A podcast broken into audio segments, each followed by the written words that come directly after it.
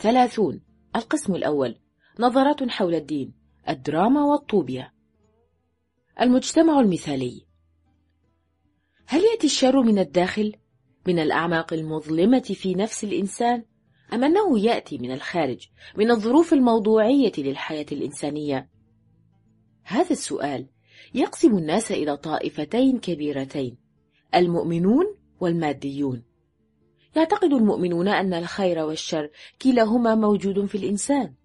ومن ثم فإنهم ينكرون القسوة لأنها موجهة إلى الخارج فهي قتال مع شر خيالي لا وجود له. إنما يجب توجيه القسوة إلى أنفسنا على هيئة ندم أو تقشف. إن التأكيد على فكرة أن للشر وجودا خارجيا وأن الإنسان يكون شريرا لأن الظروف المحيطة به ظروف سيئة هذا التأكيد على أن الإنسان نتاج ظروفه الخارجية يعتبر من وجهة نظر الدين أكثر الأفكار التي خطرت في العقل البشري إلحادا ولا إنسانية. هذه الفكرة تختزل الإنسان إلى مجرد شيء إلى خادم تعيس لقوة خارجية آلية عمياء.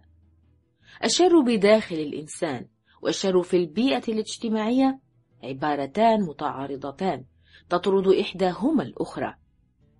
إنهما يتوازيان مع ظاهرتين أخريين بينهما تعارض وصدام ألا وهما الدراما والطوبيا. ومصطلح طوبيا مستعمل هنا بمعناه الأصيل كرؤية لنظام مثالي لمجتمع مثالي على غرار مجتمع الحيوان الكامل كما نشاهده في خلايا النحل وأسراب الجراد وكثبان النمل إلى آخره. الدراما حدث يقع في النفس الإنسانية. أما الطوبيا فحدث يقع في المجتمع الإنساني. الدراما هي أعلى شكل من أشكال الوجود الممكن في هذا الكون.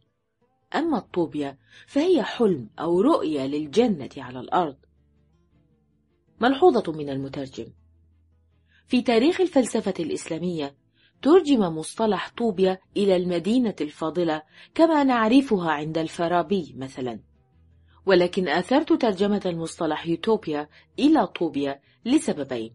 أولهما إقراره في مجمع اللغة العربية في المعجم الفلسفي. المنشور بالقاهرة في عام 1983 وثانيهما أن إضافة الفاضلة إلى المصطلح قد يكون مدعاة إلى تضليل الفكر.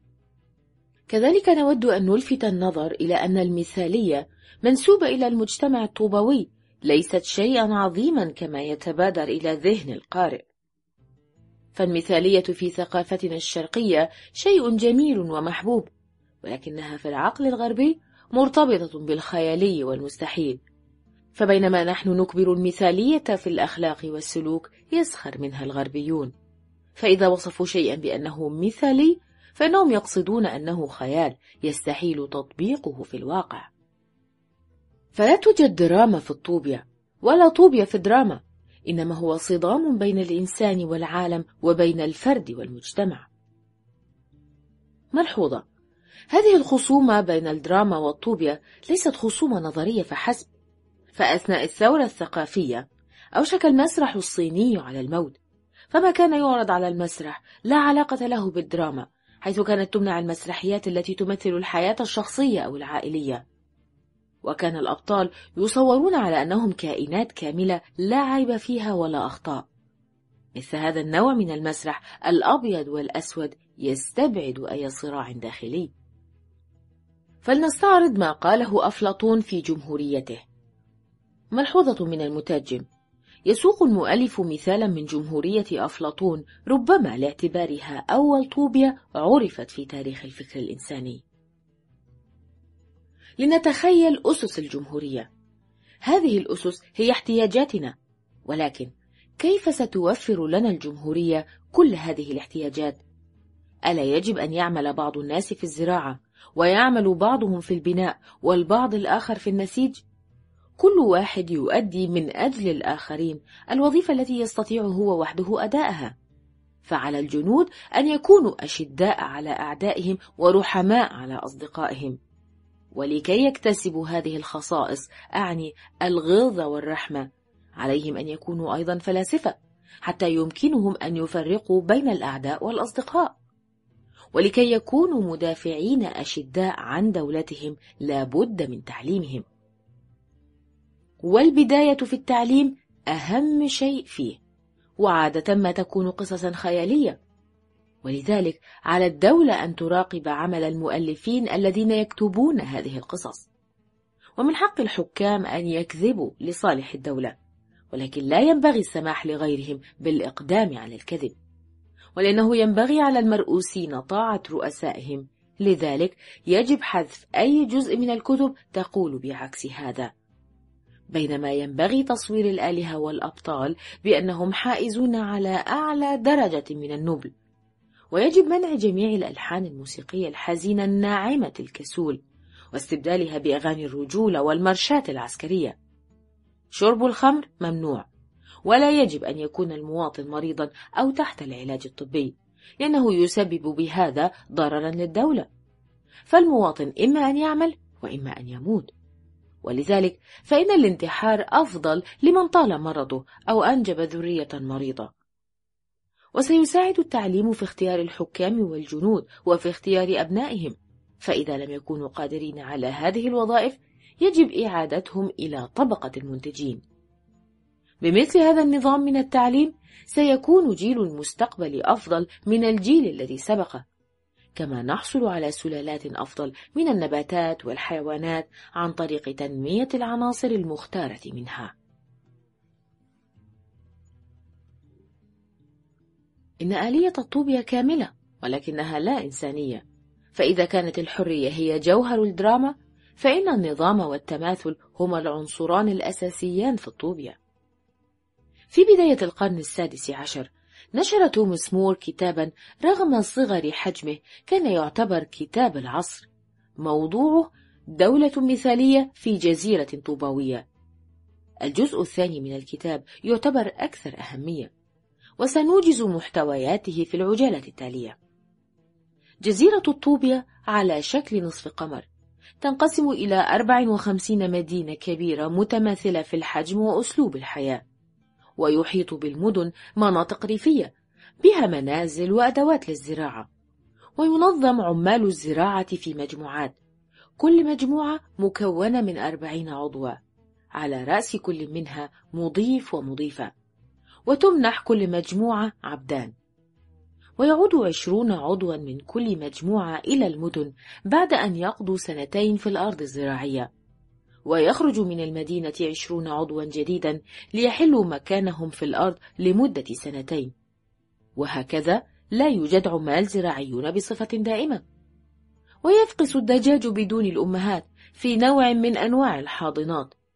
وكل واحد يبذل قصارى جهده لكي ينتج أكثر من الضروري للمدينة بحيث يمكن إشراك المدن الأخرى في فائض الإنتاج. وخلال فترة الحصاد يساعد أكبر عدد من المواطنين لإنجاز العمل في أقصر وقت ممكن.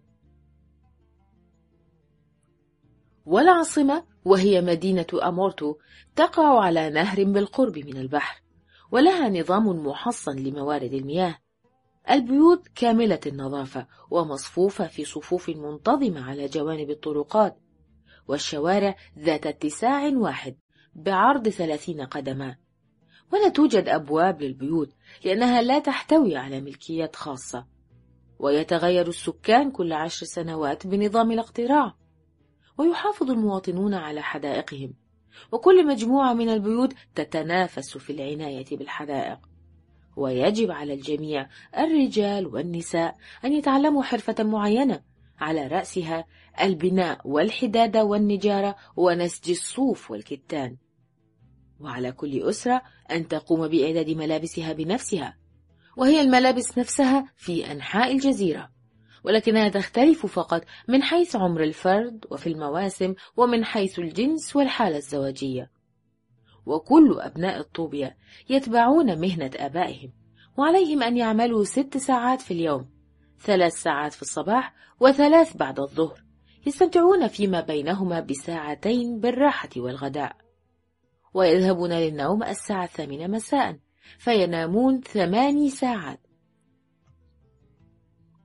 وفي العمل يستخدمون ملابس جلدية تدوم لمدة سبع سنوات ويسكن في كل مدينة 600 أسرة. كل أسرة مكونة من عشرة إلى ستة عشر عضوا يرأسهم حاكم. وعلى الأسرة أن تراعي ألا يزيد عدد أعضائها أو ينقص أكثر مما يجب. فإذا زاد العدد أكثر مما يجب توزع الزيادة على الأسر ذات العدد الأقل. ولكل ثلاثين أسرة دار جامعة كبيرة. حيث يعيش الحاكم فيحضرون على نداء النفير الذي يستدعيهم لتناول وجبات الطعام معه. وقد يسمح للأعضاء بتناول وجباتهم في بيوتهم. لكن هذا ليس شيئا مرغوبا فيه. وإلى جانب ذلك فإن إعداد الطعام مضيعة للوقت. ويستطيع المواطنون أن يرحلوا في أنحاء الطوبية ولكن بتصريح من الحكومة.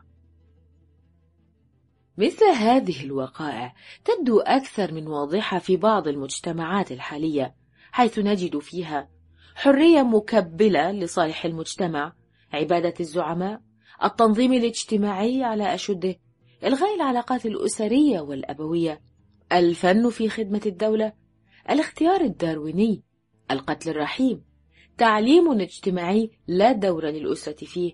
سيادة الدولة على الفرد تقبل التقدم التقني. مساواة الجنسين في التقسيم الاجتماعي للعمل. شيوعية الملكية التطوع للعمل البدني الجماعي. التنافس جماعية ملكية وسائل الإنتاج. التماثل الرقابة إلى آخره. تتعامل الدراما مع الإنسان.